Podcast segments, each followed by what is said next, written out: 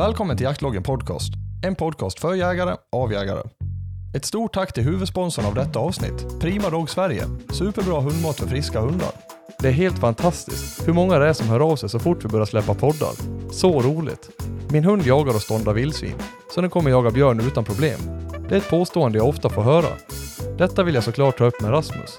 Han som faktiskt jagar mängder med vildsvin med sina hundar, men även åker upp och har lyckade björnjakter, år efter år. Är det så att alla hundar som jagar vildsvin faktiskt skäller björn utan problem? Eller kan man dra något samband mellan vildsvin och björn överhuvudtaget? Jag tänker att Rasmus, som har erfarenhet i ämnet, ska få svara på detta. Så nu kör vi igång med del två, av samtalet med Rasmus Liljeblad. Nu har ju inte jag jagat eh, liksom i söder speciellt mycket, eh, men, men de plottarna som jag har sett, och det här är ju länge sedan alltså som jag såg en plotthund som jagade vildsvin, alltså vi går tillbaka tio år kanske.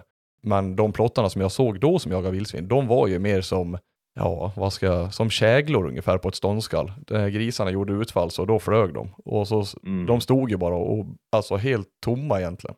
Eh, Mm. De jobbar ju inte aktivt för fem öre så det vart ju skador varje släpp som jag varit med. Ja. Eh, hur upplever du liksom plottarna på ståndarna som du har? ja, men de plottarna som jag har har väl, eh, eh, jag vet inte om det är rätt ord att använda dem, men de kanske har lite eh, hjärna. Mm. Nej, men de har ju aldrig varit liksom skadebenägna på det sättet. Nej. Inte så. Och det är ju också en, säkert en fråga om individ, eh, kanske hur du eh, jagar in dem, Mm. hur du beter dig själv.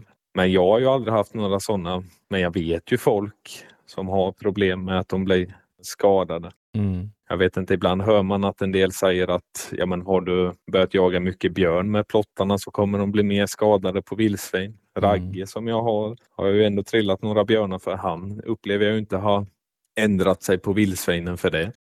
Eh, så jag vet inte, men eh, som, för mig är ju det absolut inget problem. Nej. Absolut inte. Men sen är väl lite också, eh, återigen, alltså jag tror ju, jag menar jag ju, har ju aldrig varit den typen som står och hetsar mina hundar när jag har skjutit någonting för dem. Alltså jag kan berömma dem och klappa om dem men man ser ju en del, du vet de rycker och sliter och de vrålar och härjar liksom och håller på. Och Mm. det, det tror jag väl skulle kunna påverka. Eh, I min värld behöver du inte göra det. Visar du att du tycker det är roligt och uppskattar det så ser inte jag liksom vitsen med att stå och rycka och slita i grisen och att den ska tugga och bita och, och hålla på. En fråga som jag får ibland och folk vill att jag tar upp det i poddarna, det är ju det här att en hund som jagar vildsvin då, till exempel en plott eller en lajka eller en jämte eller vad det nu än är, att när hunden jagar vildsvin, är det en självklarhet att den jagar björn då? Man har ju hört det här några gånger liksom att ja men min hund den, ja, den är stenhård på grisar och så vidare. Jag har en stor jämthand eller en stor östlajka som, ja men han är stenhård, han kommer jaga björn, punkt slut liksom. Och sen har man även sett att eh, så är inte fallet. Detta avsnittet är exklusivt för jaktbloggens Patreon-medlemmar. Så om du vill höra hela avsnittet av del 2 med Rasmus Liljeblad, då är du mer än välkommen att bli medlem på jaktbloggens Patreon-sida.